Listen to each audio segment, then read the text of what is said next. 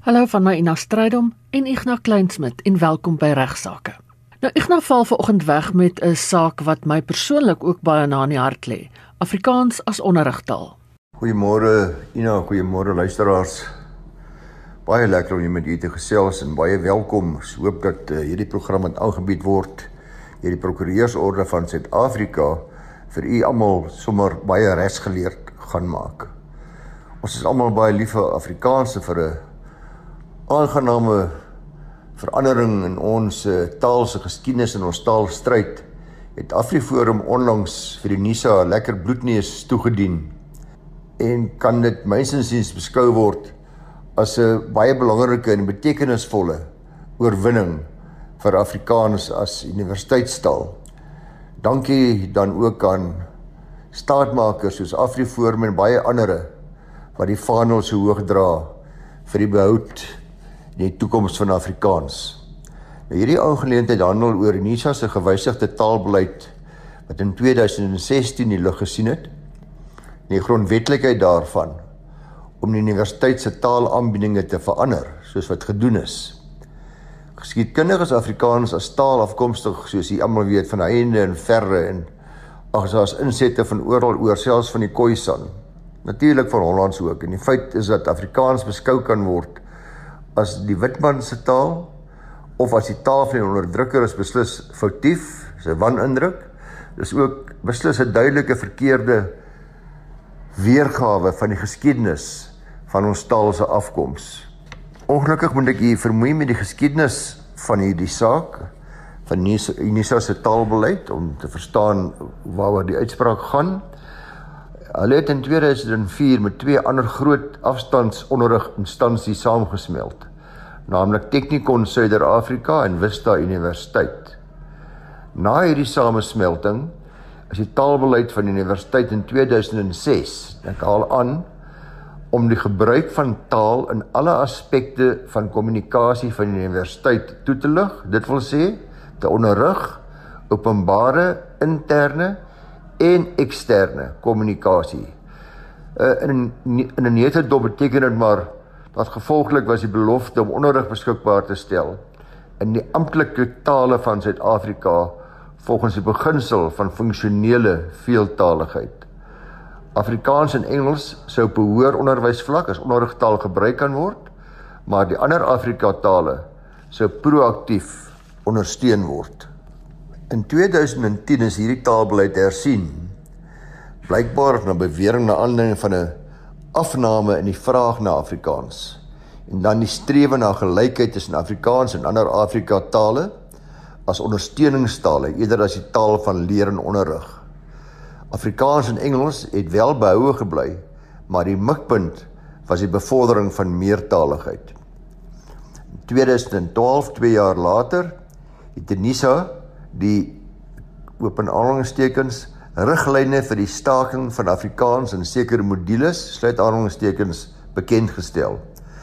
Basies waarop dit neergekom het was modules wat vir die voorafgaande 3 jaar voortdurend minder as 15 Afrikaanse studente die registrasie tydperk gehad het sou alleenlik in Engels aangebied word mits die senaat se taalkomitee daarvan in kennis gestel is.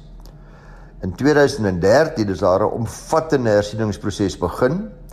Dit het eers in 2014 eh, is dit is daar 'n konsep taalbeleid geformuleer en daarvolgens was slegs Engels as leer en onderrigtaal behou en in 2016 dis waaroor hierdie saak nou gaan het die NISA se senaat en die raad van die universiteit van die NISA onderskeidelik die taalbeleid aangeneem in terme van artikel 27 subartikel 2 van die Wet op Hoër Onderwys, dis 'n wet van 1997.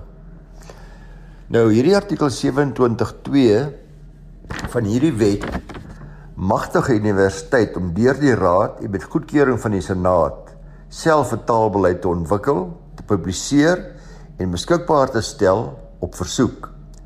Die doelwit vir die NISA se hersiene taalbeleid was verklaar om maatstawwe te implementeer wat die status van inheemse Afrika tale sou bevorder en terselfdertyd Afrikaans uit sou faseer en daardeur die waarborg dat kursusse in beide Afrikaans en Engels aangebied sou word te verwyder.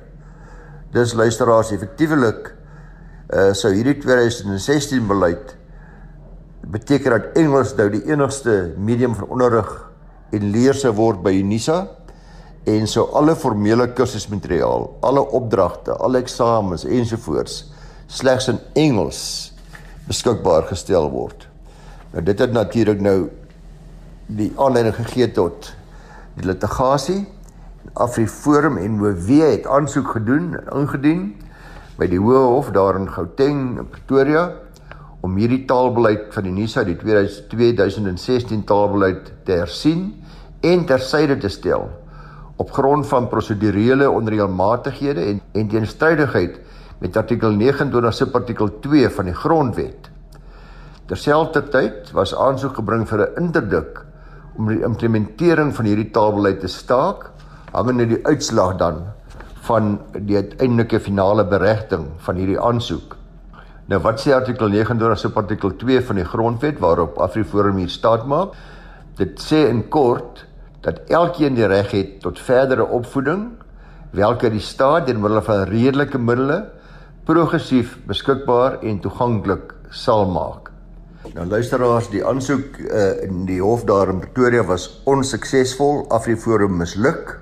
Die hof beslis dat die NISA se besluit om Afrikaans as onderrig en leertaal uit te faseer of te staak geregverdig was, gebaseer op oorwegings in terme van billikheid uitvoerbaarheid en die noodsaaklikheid daarvan om diskriminerende rassepraktyke van die verlede reg te stel.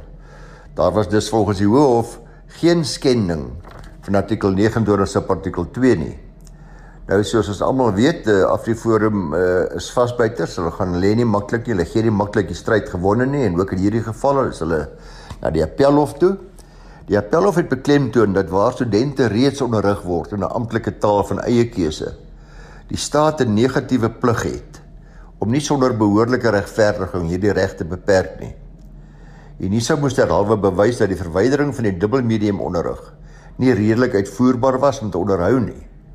En die Hoogste Hof van Appel sê Unisa het nie geslaag daarin om te bewys dat dit redelik onuitvoerbaar was nie dis Afriforum slaag met die appel.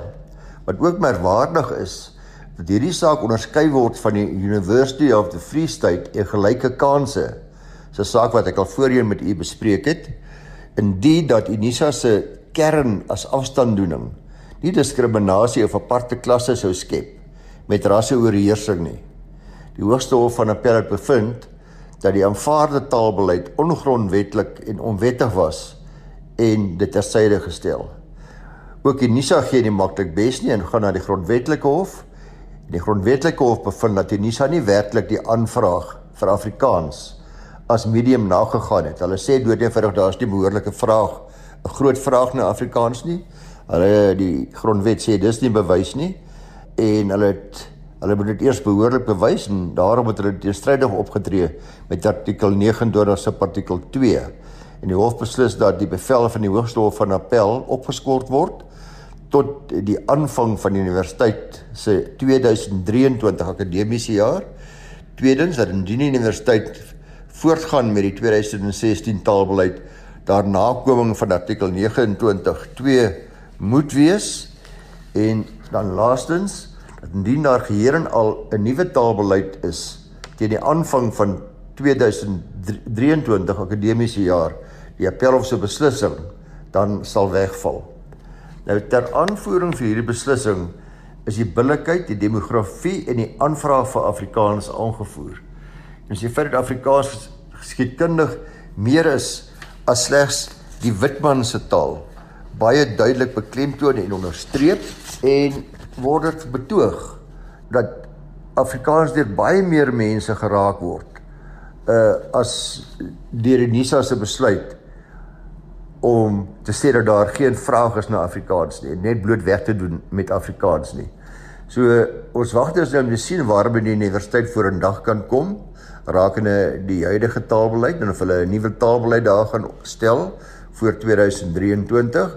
Die probleem met die NISA laastens uh, aangevoer het is dit daar reeds 5 jaar verstryk het vandat Afrikaans as onderrigtaal weggeneem is en dat die kostes aansienlik sal wees om dit weer herin te stel. Dit dit beteken alles wat in plek was toe hulle besluit het om 'n nuwe taalbeleid in te stel en Afrikaans uit te faseer. Maar dankie weer eens dink ek van ons almal wat luister van Afriforum en al die ander taal bekleiers en stryders wat so hard veg vir die behoud van Afrikaans. Uh, ons eer u. Vervolgens bespreek ek na die vraag of dit geldig is as 'n mens self jou testament opstel. En dan ook, wie is aanspreeklik vir skade aan 'n huureiendom as daar ingebreek word? Kom ons hoor wat sê Ignas. Ek ontvang 'n skrywe vanaf François Rousseau. Hy sê hy het twee vrae. Ek wil graag weet met die oprig van 'n boedel, is dit geldig as ek myself die boedel opstel? Ek dink hy praat van sy testament, as ek self my testament opstel teken en alles nalat aan my vrou. Indien nie geldig nie, wat moet ek dan doen om dit geldig te maak? My vrou besit al reeds 50% van al ons eiendomme. Hulle is almal klaar betaal, maar die dokumente lê nog by die bank. Gaan dit outomaties na my vrou as ek te sterwe sou kom of moet dit in die testament verwysing kry? Ek het ook met Volker bespreek en ons stem saam Frans vir baie redes nie 'n goeie idee om jou eie testament op te stel nie. Eerstens lei dit dikwels daartoe dat daar relevante formaliteitsvereistes nie nagekom word nie. Ons kry nog nog gereeld gesinne en families wat ons kom sien om te help met die bereddering van 'n boedel en dan uh, vir ons dan 'n testament van die oorledene bring wat duidelik nie geldig is nie. So byvoorbeeld gebeur dit dat geen getuies die testament saam met die oorledene geteken het nie of dit net een getuie geteken het of die oorledene self het nie elke bladsy van die testament geteken nie. Of dit gebeur dat 'n erfgenaam ook as getuie geteken het, wat natuurlik daartoe kan lei dat die erfgenaam gediskwalifiseer word en nie mag erf nie. By my is daar dus geen twyfel van die luisteraars en Frans dat dit beslis beter is. Nou dit gaan nie oor die paar wat 'n prokureur maak of gaan vra nie. Dat dit beslis beter is om eerder 'n deskundige te gebruik om te help met die opstel van die testament. Al dink u dit's dis baie eenvoudig uh, maak seker is geldig. Mens kan natuurlik later met 'n hof aansoek 'n dokument as 'n geldige testament laat verklaar alhoewel daar nie aan die formaliteitsvereistes voldoen is nie. Dan moet mens die hof oortuig dat die dokument inderdaad die bedoeling was van die oorledene om as 'n testament te geld en dat daar geen sprake van bedrog was nie. Nou so hofsaak gaan jy egter met 'n klomp regskoste uh agterlaat. Tweedens is dit ook belangrik dat die testament korrek moet uiting gee aan die werklike en ware wil van die oorledene. Ons kry dikwels testamente wat baie dubbelsinnig is. Dit kan ook nie net tot vertragings lei nie en ook hofsaake nie. Uh maar dikwels lei dit ook tot twis onder die familie en die erfgename. Daar's ook sekere klousules wat by elke testament behoort te wees. Soos byvoorbeeld 'n insolventieklausule. Uh die regte deskundige sal sorg dat die bewoording van die testament gepas is vir u geval. So ek wil werklik voorstel dat Franso maar eerder 'n deskundige soos 'n plaaslike prokureur daar in u gebied op testamente en boedel spesialiseer spesialiseer vra om te help met die testament. Soos ek nou nog gesê dit kos regtig nie veel nie. Maar soos jy ook sou onthou, een keer per jaar kan jy 'n gratis testament opstel. Baie prokureursfirmas neem daaraan deel. Dit word deur die Prokureursorde van Suid-Afrika gereël en is gewoonlik so in September maand. Wat Frans as 'n vraag aanbetref oor sy 50% aandeel in die eiendom wat hy en sy vrou saam besit of sy 50% outomaties na haar toe sou gaan na afsterwe net die volgende as daar nou nie 'n behoorlike opgestelde en verwyder testament sou wees nie nou is byvoorbeeld kinders dan sou sy 50% nie noodwendig na sy, na sy vrou toe gaan nie want die wet op in die state erfopvolging wat geld wanneer iemand sonder 'n testament te sterwe kom mag dalk 'n ander distribusie tot gevolg hê. Eh, Fransie moet dus maar seker maak dat die testament baie duidelik bepaal dat sy die 50% aandele wat nou aan jou behoort, dat dit aan haar vererf as dit inderdaad is wat jy wil hê. Die volgende is mynsins sien 'n baie interessante navraag van 'n anonieme luisteraar. Hy wil weet wie aanspreeklik is vir skade indien daar by eiendom ingebreek word wat aan huurders verhuur word. Met ander woorde, ek verhuur my huis aan jou. Daar's maar weinig sekuriteit, daar's nie 'n muur nie, daar's byvoorbeeld nie alarm nie. Daar's ek het nie 'n uh, enigsins 'n uh, die wering aan my vensters nie ensovoorts ensovoorts nie. Maar jy huur die huis op daar in op in daardie toestand met sonder sekuriteit. En wie's nou aanspreeklik vir skade indien daar ingebreek word? Moet die huurder die skade dra of kan die verhuurder daarvoor aanspreeklik gehou word? Uh die luisteraar in hierdie geval besit self 'n strandhuis wat aan vakansiegangers uitverhuur word en volgens hom of haar word daar van tyd tot tyd wel by hierdie eiendom ingebreek as ook ander eiendomme in daardie area ten spyte van redelike goeie sekuriteit naamlik sekuriteitsdeure en ook 'n alarmstelsel wat hy by sy vakansiehuis by sy strandhuis geïnstalleer het. Hy hy sê verder is dit maar oop, is 'n oop gebied, dis soos jy weet, die meeste strandhuise is nie om hy nie, is lekker oop en geen tralies nie en die soort van dinge nie. Nou luisteraars sal dadelik hulle regse voel moet laat uh, op loop gaan om hierdie vraag te kan toets. En uh, ek dink almal se reg gevoel sê hopelik vir hulle dat een persoon nie aanspreeklik gehou kan word vir die dade van 'n ander nie. Met ander woorde, sal dit regverdig wees om 'n verhuurder aanspreeklik te hou vir die skade wat deur 'n dief wat mee hy niks onder die son te doen gehad het veroorsaak was nie. Nou die Kaapse Hooggeregshof luisteraars het in 2005 al bevestig dat 'n huurder se eis teen diewe vestig en nie teen die verhuurder nie. Dit was die baie bekende saak van Rebel Discount Liquor Group, 'n uh, eenoors beperk teen La Rochelle F615 beleggings BK in 2005. In hierdie saak het 'n raad op huurder die hof genader omdat daar konstant by sy perseel ingebreek was. Dit was perseel wat hy gehuur het. Dit was van so aard dat tussen 21 Desember 2000 en 17 Augustus 2001 ses keer gewapende rowe en drie gewone inbrake by hierdie betrokke perseel was. As ek so na die naam van die uh partye luister, lyk dit vir na 'n drankwinkel. Rebel Discount. Uh beide die huurder en die ver, verhuurder het erkenning gegee dat die eiendom onveilig was. Hulle gee dit toe. As gevolg van die al die rowe en die inbrake ten spyte hiervan het die hof steeds bevestig dat daar nie regsplig op 'n verhuurder is om die sekuriteit van die huurder te verseker nie. Partye kan natuurlik in die huurkontrak so ooreenkom, dis iets anders, dan se kontraktueel gebonde om seker te maak dat daar byvoorbeeld alarmstelsels is, byvoorbeeld eh, die wering is ensovoorts. Maar as daar niks in die kontrak is nie, dan het 'n verhuurder geen regsplig om die sekuriteit van die huurder te verseker nie. Uh daar bestaan nie so 'n plig outomaties van regswee nie. Alhoewel daar 'n plig op die vir op 'n verhuurder rus om seker te maak dat die eiendom wat verhuur word wel geskik is vir die doel waarvoor dit gehuur word. As dit beperk tot die fisiese toestand van 'n eiendom, met ander woorde, dit hou verband met die onderhoudsplig van die verhuurder en nie die sekuriteit om rowers uit te hou nie. In die verband het die hof soos volg verduidelik: Indien die verhuurders outomaties die plig gehad het om sekuriteit te verskaf, dan sou talle huurders eenvoudig net hulle huurkontrakte kan kanselleer indien daar in die diskresie van die huurders nie genoegsame sekuriteit was nie of indien die misdaad syfer dalk sou styg in die betrokke area dan kanselleer ek dood eenvoudig. Of indien ek van mening is dat ek uh, verlies ly as gevolg van 'n diefstal wat blameer ek dood eenvoudig maar net die verhuurder. Dit sou natuurlik geweldige nadelige gevolge vanaf 'n kommersiële oogpunt inhou en sal uh baie ernstige nadelige gevolge vir veral verhuurders inhou. Die gevolg is luisteraars dat 'n verhuurder nie aanspreeklik is vir die skade deur 'n die dief veroorsaak nie, aangesien die huurder nooit verplig was om die dief uit te hou nie. Hierdie risiko of hierdie verpligting rus by die huurder. En laastens vandag 'n baie belangrike kwessie. Wat is jou eerlikheidsplig teenoor jou versekeraar?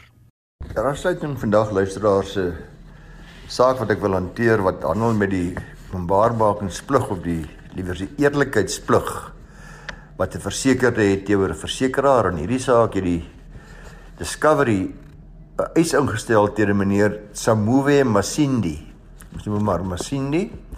Hy was die verweerder en Discovery sê hy moet aan hulle terugbetaal 1,647, so kom ons sê 1,600 1.650.000 rand wat hulle reeds aan hom uitbetaal het en hulle sê dat hierdie skade gelei as gevolg uh van sy bedrog. Hy het beweer dat hy skade gelei het van 1,1.650.000 rand en hulle sê dit was bedrieglik geweest. So dit is verhaalbaar. Wat gebeur het is dat op 16 Desember 2016 het meneer Masini 'n eis by Discovery ingedien gevolge beweerde skade veroorsaak deur oorstromings. En as gevolg van die aard van die eis het Discovery beweer dat hulle onderskeidelik 'n totale bedrag van 972000 ongeveer uitbetaal het vir die herstelwerk wat geëis was ten opsigte van die van die uh, oorstroming as ook 'n bedrag van 675000 vir tydelike verblyf wat hy beweer het hy moes aangaan. Na ondersoek toe vind Discovery uit hy konna meneer Masini het nie tydelike verblyf benut nie en dis nie die 675000 rand skade aangegaan nie. So hy het bedrieglike inligting verskaf ter ondersteuning van sy eis uh vir hierdie noodverblyf van 675000 rand. Dit was ook nie ontken of in dispuut geplaas nie deur meneer Masindi nie. Gevolglik het Discovery nou aangevoer dat weens meneer Masindi se bedrieglike optrede was hulle nou geregtig om alle geld terug te eis wat aan meneer Masindi uitbetaal was. So die volle 1,647 miljoen rand. Discovery eis ook verder dat in sulke gevalle het die polis voorsiening gemaak dat uh, dit duidelik is dat hulle kan terugeis en hulle die klousule lees as volg Verder verstaan u dat indien enige deel van hierdie eis bedrieglik is of as ek van iemand wat optree bedrieglik middele of toestelle gebruik namens my met of sonder my medewete om 'n voordeel te verkry dan al die voordele in gevolge die polis verbeur word en discovery gereg, geregtig is op alle kostes en uitgawes om hierdie spesifieke verlies te verhaal of te eis.